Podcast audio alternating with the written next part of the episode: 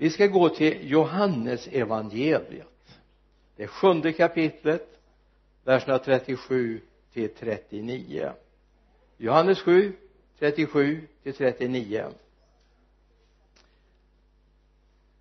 och vi kommer inte inledningsvis att landa i jul nu heller. Men vi kommer så småningom till jul också. Eller ganska snart. På den sista dagen den största i högtiden stod Jesus och ropade om någon törstar så kom till mig och drick. Den som tror på mig ur hans innersta ska strömmar av levande vatten flyta fram som skriften säger. Detta sa han om anden som de skulle få som trodde på honom ty anden hade ännu inte blivit utgjuten eftersom Jesus ännu inte hade blivit förhärligad. Om någon törstar så kom till mig och drick. Den som tror på mig och så är det egentligen så här som skriften säger ur hans innersta ska strömmar av levande vatten flyta fram. Alltså det är skriftens Jesus vi ska tro på. Allt liv har ett centrum. Jag förmodar att ni aldrig har tänkt så här. Men så barnsligt eller så klokt. Stryk ej lämpligt tänkte jag när jag var barn. Låg hemma på gräsmattan tittade upp och såg stjärnorna. Och jag fattade ju att det här inte var några hål i den himmelska väggen. Utan jag fattade ju att det här var någon typ av himlafenomen som fanns där uppe med stjärnor planeter och så vidare som rörde sig. Och så började jag fundera på förmodligen såg det ut likadant när min mormors mors mor levde. Om hon låg och tittade upp och så kommer det se ut när mina barn eller våra barnbarn tittar upp hur kan det komma sig? Och vad jag grunnar på det här. Hur kan de där finnas där uppe de här stjärnorna? Vad, vad, vad hänger de fast i? Jag menar jag har ju inte läst gravitationslära än. Jag fattar ju inte det här med himlakroppar och hur de attraherades av varandra. Men någonting fattade jag. Det finns något centrum. Något som håller ihop alltihop. Någon. Nu hade jag ju gått i söndagsskolan. Jag hade varit med på många gudstjänster. Så jag tänkte att den här någon måste vara Gud. Och så började jag fatta att Gud är väldigt stor. Jag menar där fanns stjärnor. Jag fattar ju inte hur många kilometer eller mil eller meter de var bort det hade jag ingen aning men jag förstod att de var långt bort och så var det någon som sa till mig att det lyse du ser idag från en stjärna det kan ha vandrat i år innan det når ditt öga. Yes tänker jag. Gud är stor. För i min värld fanns ju inget annat än att det är Gud som håller allt i sin hand. Han är mäktig. Så här söndagen före jul. Så är vi egentligen så nära centrum av hela skapelsen som vi någonsin kan komma. Vi är så nära centrum. Om vi säger så här att jul är den ena ändan av en axel så är påsk den andra änden av en axel. Och däremellan finns Gud. Där finns Gud. Förstår ni då att det finns krafter som försöker ta bort Jesus fokuset ur julen därför centrum av hela skapelsen. Att det ser ut som det gör med miljöförstöringar med, med människors ondska och så vidare. Det beror ju på att vi har kommit bort ifrån centrum vi är i en skapelse som har kommit ur led. Och så säger bibeln hela världen är i den ondes våld. Och det ser vi ju. Sen är det ju fantastiskt bra att man möts till klimatmöten i Paris och på andra platser. Det är väldigt bra. Men man kommer inte rädda den här planeten. För redan nu en vecka efter så börjar man diskutera vad var det vi kom överens om? Och jag på säga man får väl passa sig nu så att det inte blir ett tredje världskrig på grund av det man inte är överens om. Men nu är vi snart vid jul. Och nu är vi på väg mot centrum på hela den skapelse där vi finns. Kristus Jesus. Så jag kände bara att jag vill lyfta upp det juldagen är den ena ändan påskdagen den andra ändan och på den axeln finns Gud. Han håller samman allt. Vi behöver inte vara oroliga. Har vi med honom att göra? Så även om den här jorden brakar samman för det kommer den göra. Tro mig. Men vi kommer inte braka samman. För vi vilar inte i den här skapelsen. Vi vilar i Kristus den fullkomliga skapelsen där han satt oss.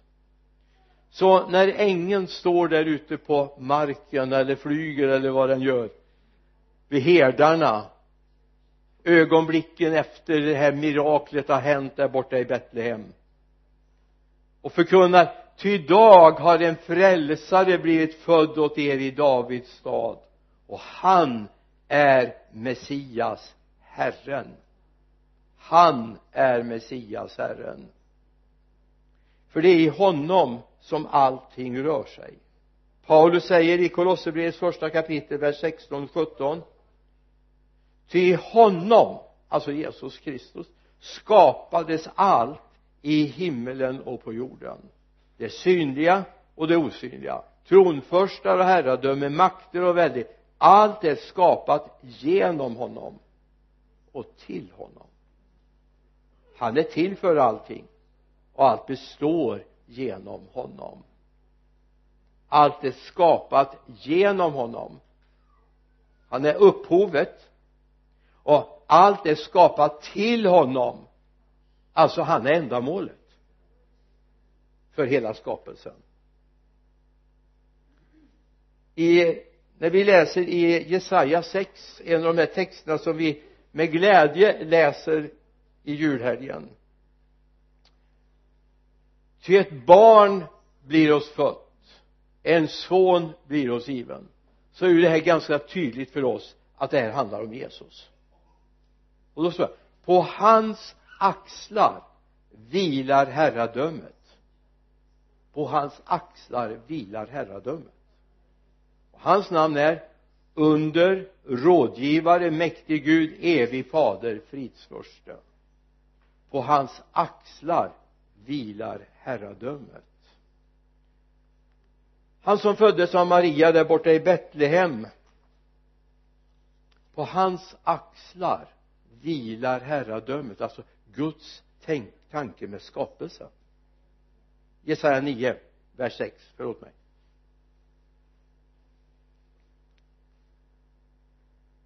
I första Korinthierbrevet nu går det så undan här så det är knappt ni hinner att byta där. Första korintierbrevets åttonde kapitel vers 5 och 6 första korintierbrevet 8, 5 och 6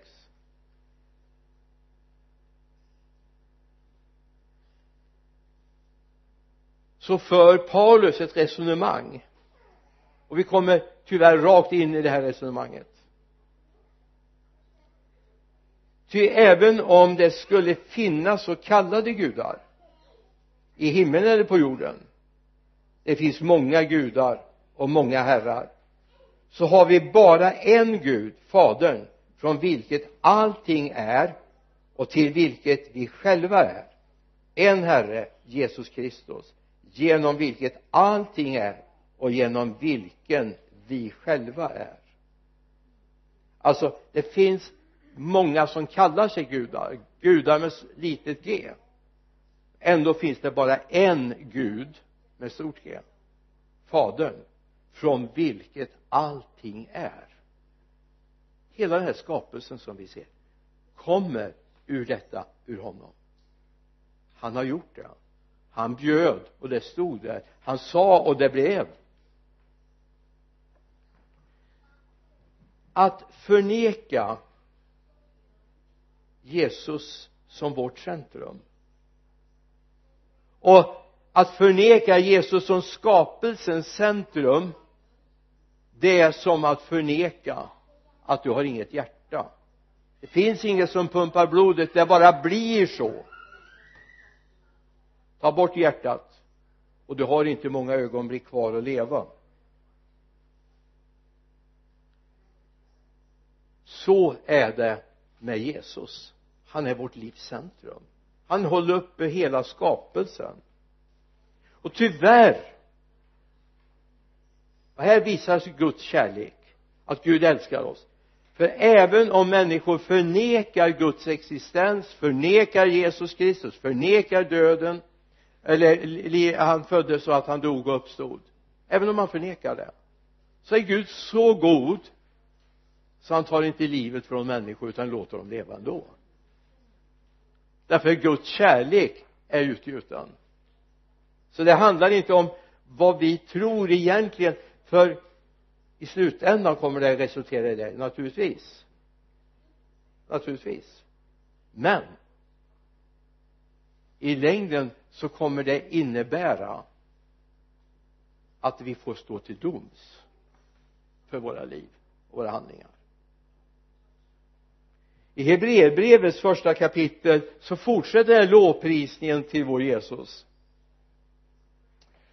Sedan Gud i forna Hebreerbrevet 1 och 1 sedan Gud i forna tider många gånger och på många sätt har talat till fäderna genom profeterna har han nu i den sista tiden talat till oss genom sin son. Honom har han insatt till att ärva allting. Och genom honom har han också skapat världen. Genom honom har han också skapat världen.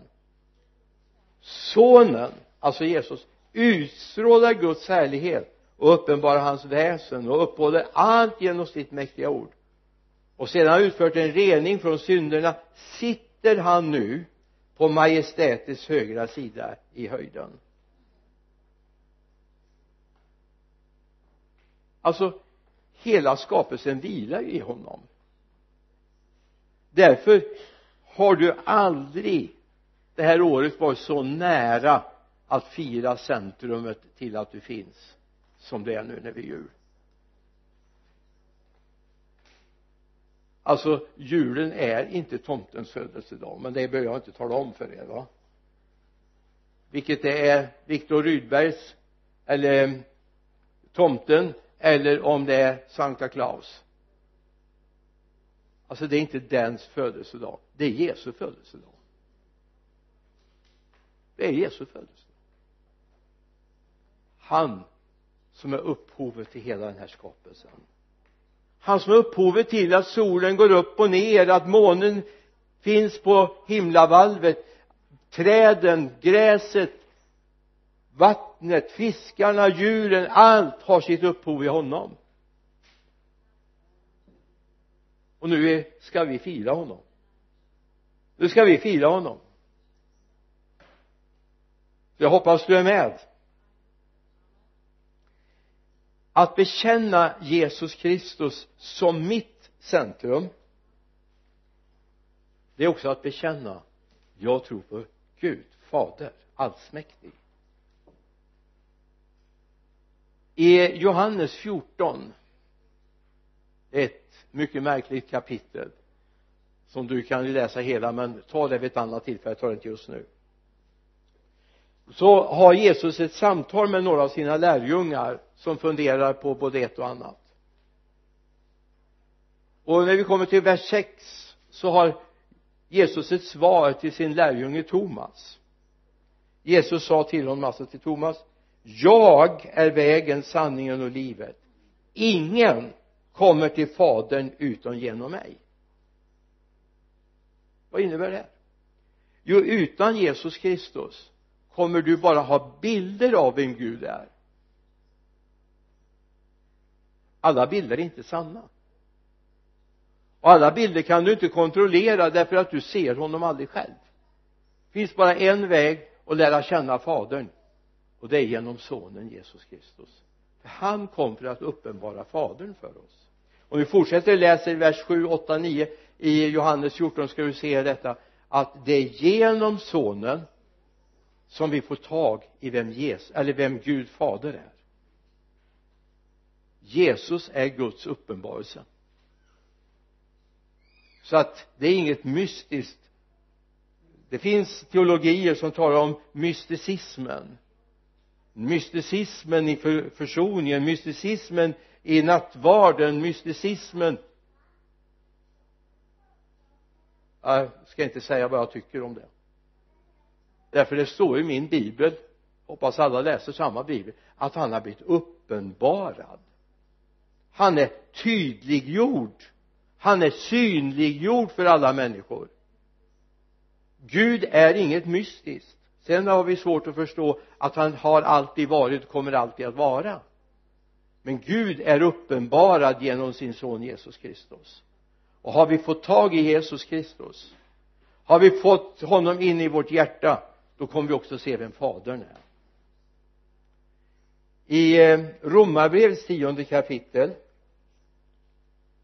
det blir lite bibelord men jag hoppas inte du har allt för mycket emot det romarbrevets tionde kapitel vers 9 och så här. Om du därför med din mun bekänner att Jesus är Herren och ditt hjärta tror att Gud har uppväckt honom från de döda ska du bli frälst. Ty med hjärtat tror man och blir rättfärdig med munnen bekänner man och blir frälst. Skriften säger ingen som tror på honom ska stå där med skam. Då är det så här det här med bekänna. Det är inte bara att erkänna att Gud finns. Många har läst det som att ja men jag bekänner ju att Gud finns. Men det är inte det ordet som står här. Det står jag bekänner mig till. Jag överlåter mig åt jag säger du är min frälsning. Du är min frälsare. Så att bekänna honom handlar om jag bekänner mig till honom. Dig förutan har jag ingen. Gud är inte eller Jesus är inte en nödlösning. Om ingenting annat funkar så får jag ha honom som en liten säkerhet för säkerhets skull om allt annat skulle gått gå illa. Han är den enda. Det är att bekänna sig till honom. Gud du är den enda. Jag kastar mig på dig. Finns inte du där då faller jag totalt. Paulus för ju det här resonemanget och säger om det nu vore så att Kristus inte hade uppstått så vore vi de mest ömkansvärda av alla människor. Men nu är det så att vi är inte ömkansvärda för nu vet vi att han har uppstått. Han har uppstått. Vi bekänner oss, vi kastar oss på honom och vi vet att han är vår enda frälsning och vår enda hjälp.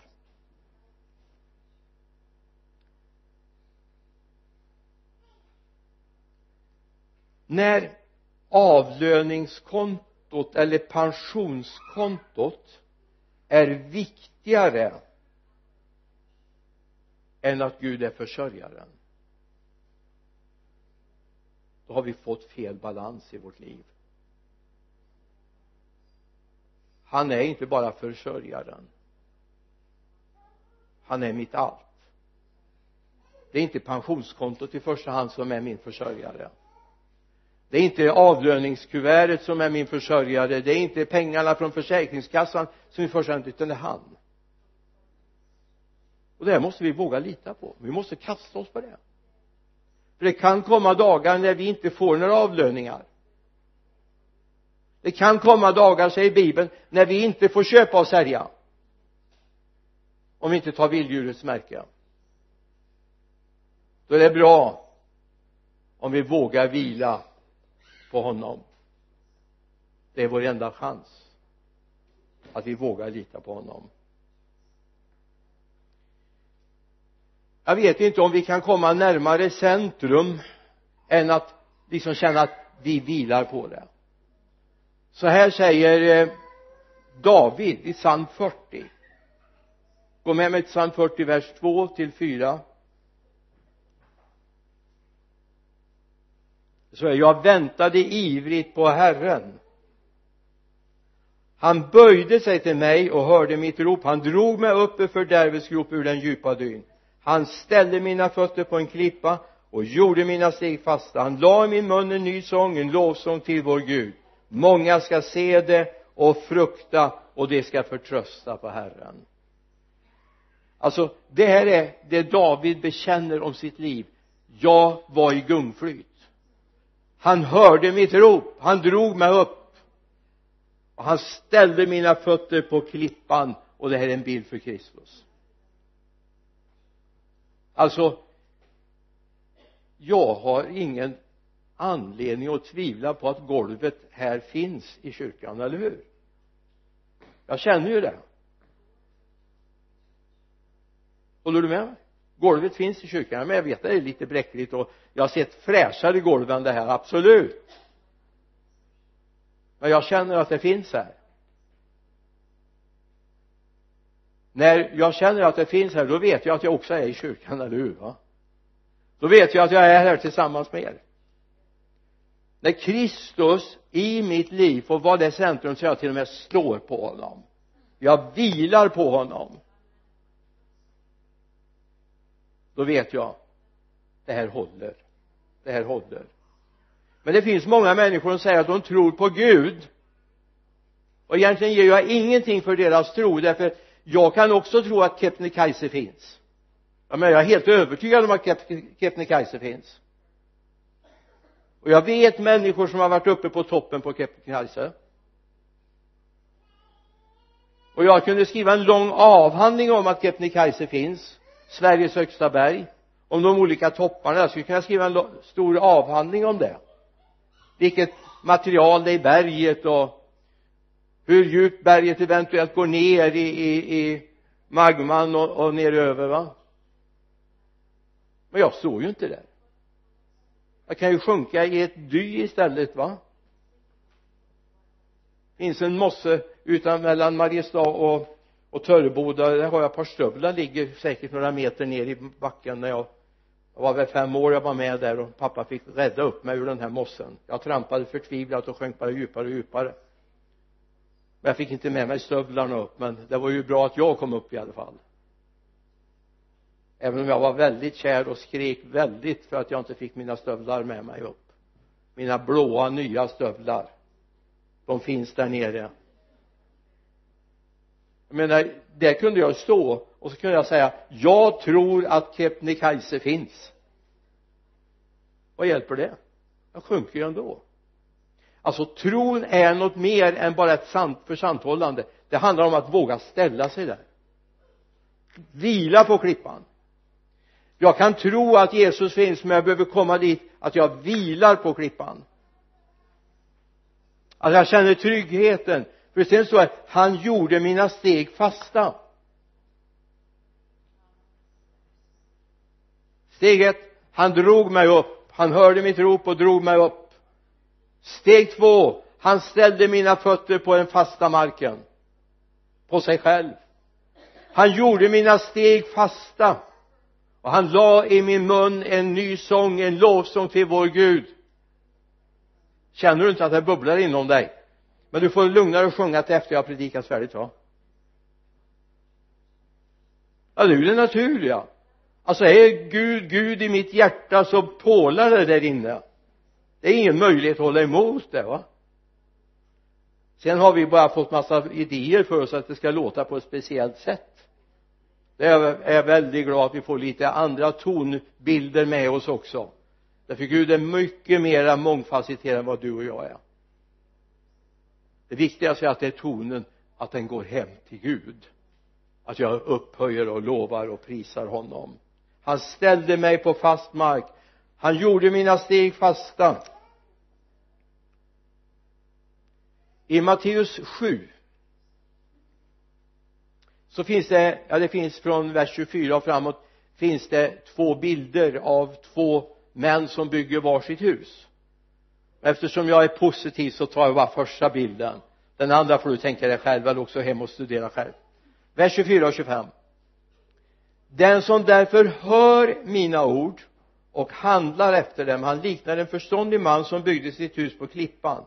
Regnet öste ner störtfloderna kom och vindarna blåste och kastade sig mot det huset. Men det föll inte eftersom det var grundat på klippan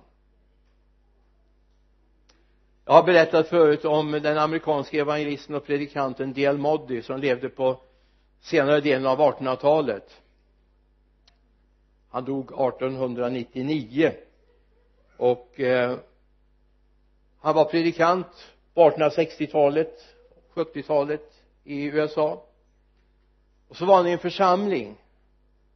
Och så läste han varje söndag samma text höll samma predikan precis ordagrant samma predikan. Söndag efter söndag. Bara, bara att hålla det ordagrant är ju bara det en prestation i sig själva. Och de blev bekymrade de skruvade på sig i bänkarna och funderade på har det helt blivit fel nu? Har, har liksom han fått något problem här? Så de började prata med Dialmadi heter hette han. Och sa det att men det, det finns ju fler bibeltexter det finns fler sanningar som bör lyftas fram i Guds ord ja det vet jag så och så nästa söndag samma predikan igen. Och söndagen därpå 25 söndagar höll han samma predikan. Du vet att vi har lite drygt 50 söndagar på ett år så att ungefär ett halvår höll han på samma predikan. Det är ni. Och då ser du så men varför håller du samma predikan? Och då citerar han det här. Den som därför hör dessa mina ord och handlar efter dem det var det som var problemet. Han sa när ni gör det Gud har lagt på mitt hjärta att säga då byter vi predikan. Så ihärdig har inte jag varit. Alltså det handlar om att höra och att göra. Ibland är det så här att vi har en, att vi tror att bara vi kan vissa saker vi kan citera Guds ord och så vidare så är vi bra på det men det handlar om att verkligen höra och göra det Gud vill. Att höra och att göra det Gud vill. Det är det det handlar om.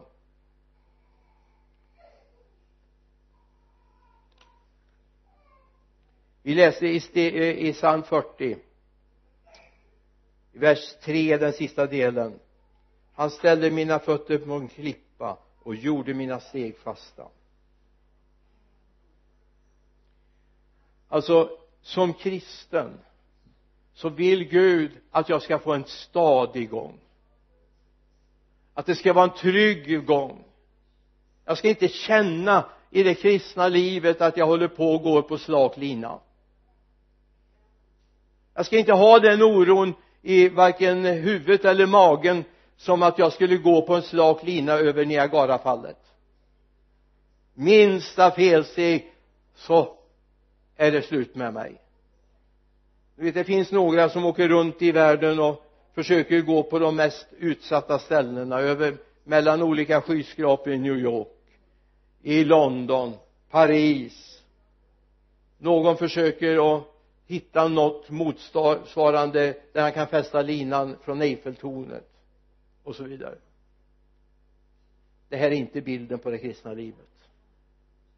Det här är inte bilden på det kristna livet. Jag vet att jag kommer fram. Därför han har gjort mina steg fasta. Och med det innebär det att jag har trygg mark under fötterna när jag är kristen. Känslorna tankarna kan åka upp och ner. Men jag vet i mitt liv jag vilar på honom han är min klippa. Han är min klippa. Och jag står stadigt, jag går framåt, jag rör mig i den riktningen han vill med mitt liv. Psalm 119 vers 130 det är inte ofta man får säga tresiffrigt tal när det gäller versar i bibeln. Men i psalm 119 får man göra det va? Det är alltid problem när jag ska rita in i de här rutorna som jag har på bibelundervisning på fredagskvällarna. För det, där passar det bättre att ha tvåsiffrigt då går det in så får man förlänga eller trycka ihop det lite grann. Men här kan jag få ta det nu va? Vi ska läsa några verser där. När dina ord öppnas ger det ljus och skänker förstånd åt enkla människor. Jag spärrar upp min mun och flämtar ty jag längtar ivrigt efter dina bud vilka har spärrat upp munnen och längtar ivrigt efter hans bud. Vänd dig till mig och var mig nådig så som du gör med dem som älskar ditt namn. Gör mina steg fasta genom ditt tal. Gör mina steg fasta genom ditt tal. Låt ingen synd bli mig övermäktig. Befria mig från människors förtryck jag vill hålla fast vid dina befallningar. Låt ditt ansikte lysa över din tjänare och lär mig dina stadgar. Gör mina steg fasta genom ditt tal. Alltså ska hans tal påverka min vandring? Ju mer jag tar del av Guds ord ju tryggare går jag eller hur? Amen. Om ordet Guds ord, bibeln får bli min programdeklaration för mitt liv. Jag håller fast vid Guds ord oavsett vad, den, vad som är politiskt korrekt oavsett vad alla andra tycker. Jag tycker inte som alla andra jag tycker som Gud tycker. Det deklarerar jag.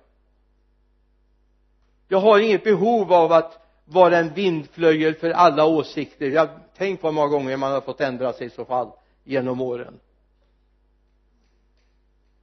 Men vi håller fast vid ditt ord herre. Vi håller fast vid ditt ord. Vi tror fortfarande att det är det som gäller i den tid som är nu.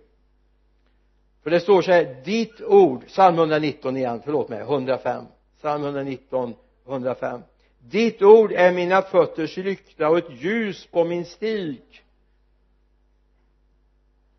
Gör mina steg fasta genom ditt tal läste vi i psalm 119 vers 133 och i vers 105 gör ditt ord är mina fötters lykta och ett ljus på min sida. Det lyser upp. Det är ingen strålkastare som kanske eh, sån där flodljus som man hade på bilar förr så det lyste flera kilometer bortöver va? Men det lyser tillräckligt för steg för steg. Och jag kan gå tryggt. Han har gjort mina steg fasta. När jag kommit dit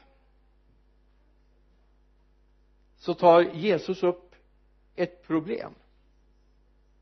Psalm, nej Matteus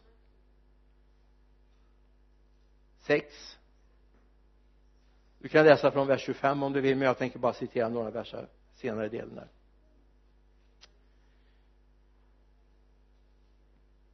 jag tänkte ta från vers 31 jag ska kommentera det som står i verserna innan gör er därför inget bekymmer och fråga inte vad ska jag äta? Eller vad ska jag dricka? Eller vad ska vi klä oss med efter allt detta söker hedningarna. Men er himmelske fader vet vad ni behöver att ni behöver allt detta. Nej sök först Guds rike och hans rättfärdighet så ska ni få allt det andra också. Alltså hedningarna de som inte har lärt känna vem Gud är de som inte har förstått Jesus Kristus. Här tar vi alltså ett steg till. Tidigare handlade hedningarna om icke-judarna. Idag vet vi att det finns judar som också lever som hedningar. De benämns inte som hedningar men de lever som hedningar. De här de jagar allt det materiella. Det får gå i första hand. Allt det materiella kommer i första hand.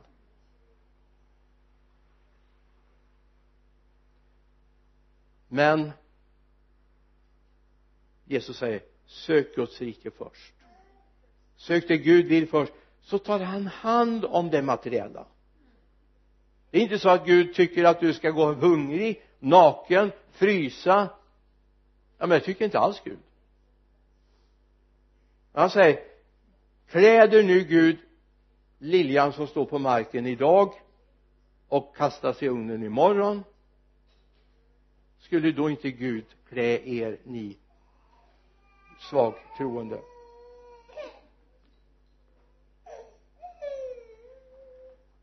Det var inte jag som la krokben. Jag lovar. Men det kan hända ändå. Det här skulle behöva sväva. Kan någon konstruera en liten svävare här så? Så trycker jag bara på en knapp så höjs det och sänks och följer med mig. Vore fint. Våga sätta det icke-materiella före det materiella. Det är det Jesus säger våga sätta det icke-materiella före det materiella. Det är att vända upp och ner på världen totalt. Jag måste ju. Visst. Jag säger inte att vi ska vara slarviga. Jag säger inte att vi ska missköta oss. Jag säger absolut inte det. Men vad jag säger det är viktigt att våga lita på Gud. Det kan komma dagar då du verkligen behöver kasta dig på Gud sök Guds rike och hans rättfärdighet först. Han är din försörjare säger Guds ord. Han är din försörjare. Vågar du lita på det?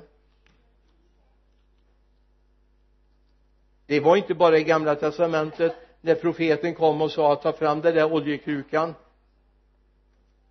Och så lånar du så mycket kärl du kan. Och hur gick det? Jo så länge det fanns tomma kärl så rann det ur det lilla oljekruset. Ja men det var då det säger du. Jag tror Gud kan göra samma sak idag. Vi har exempel från vårt eget liv och vårt eget hem när Gud har fyllt på saker som inte har funnits. Gud har omsorg om oss. Gud har omsorg om oss. Gud har omsorg om dig. Gud vill inte att du ska svälta. Gud vill inte att du ska gå och frysa. Absolut inte men du måste sätta honom först. Och det kan vara ett problem för oss ibland jag vet. Ibland möter jag som pastor själavårdare en fråga som är egentligen en väldigt bakvänd fråga. Man frågar så här kan jag göra det här och det här och det här och ändå vara ett Guds barn?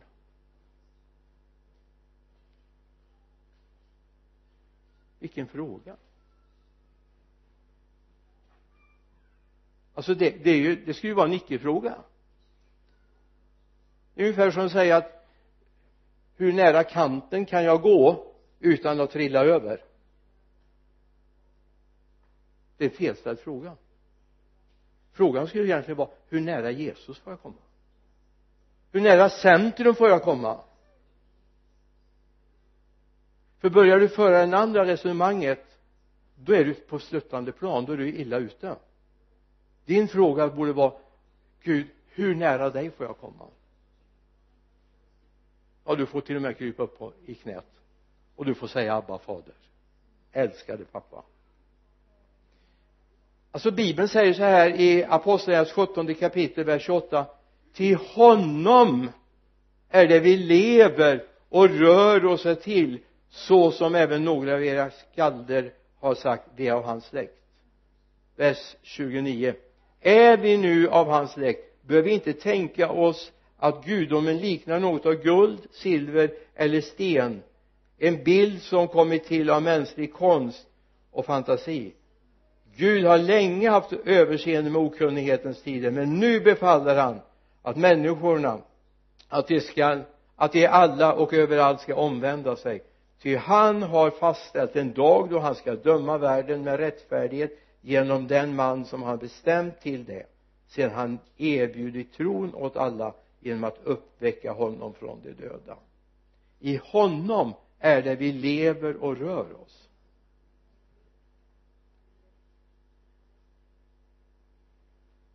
Jag vet inte var gränsen går då om vi är i honom eller ej vet inte var, var du är. Alltså det jag har fått den, den bilden i mitt liv. Det är inte jag som bestämmer vartåt jag ska gå eller vad jag ska göra. Jag underordnar honom som jag är i. Det är ungefär som att sitta på, på båten och åka över någonstans och säga hur långt ut kan jag ge mig iväg när båten går åt det hållet? Kan jag gå en promenad ut åt det hållet då? Jag är ju på båten så är det. Jag är i Kristus. Och jag har bara en enda längtan. Jag vill vara så nära kapten som möjligt. Jag vill vara så nära kapten som det bara är möjligt. Det är honom vi lever och rör oss är till. Till sist ett ord ifrån Hosea bok. Som jag vill bara att du tar med dig hem och funderar över. Hosea 6 och 3 låt oss lära känna Herren. Ja låt oss sträva efter att lära känna honom. Hans uppgång är så viss som morgonrodnad alltså, och han ska komma till oss likt ett regn, likt ett vårregn som vattnar jorden. Ja låt oss sträva efter att lära känna honom. Älskade vän om du nu skulle bo i ett hyreshus tittar ut här vi är, vi är inte så många som bor i hyreshus men några stycken så räcker det ju inte att jag ser namnskylten på dörren mitt emot för jag ska säga jag känner dem. Jag vet allt om dem. Det vet du förmodligen inte. Så vi är inte ni att ta tid att börja umgås med varandra. Det handlar om bara för att jag kan stava till Gud det är ganska enkelt egentligen. Eller hur? Det är inte svårt, ja men det klarar vi allihop att stava till Gud. Men det räcker inte. Du måste ta tid att umgås med Gud. Du måste ta tid att lära känna Gud. Så att du får trygghet och känner jag vill vila, jag vill gå med honom. Ska vi be tillsammans? Jesus låt det här få landa i våra hjärtan. Jag ber dig. Låt din frid få komma i ett fullt mått. Och herre hjälp oss att få lära känna livets centrum som är förutsättningen för vår tro, för vårt liv tillsammans med dig. Låt den här julhelgen få bli en helg då vi verkligen intar möjligheten att få lära känna dig Jesus.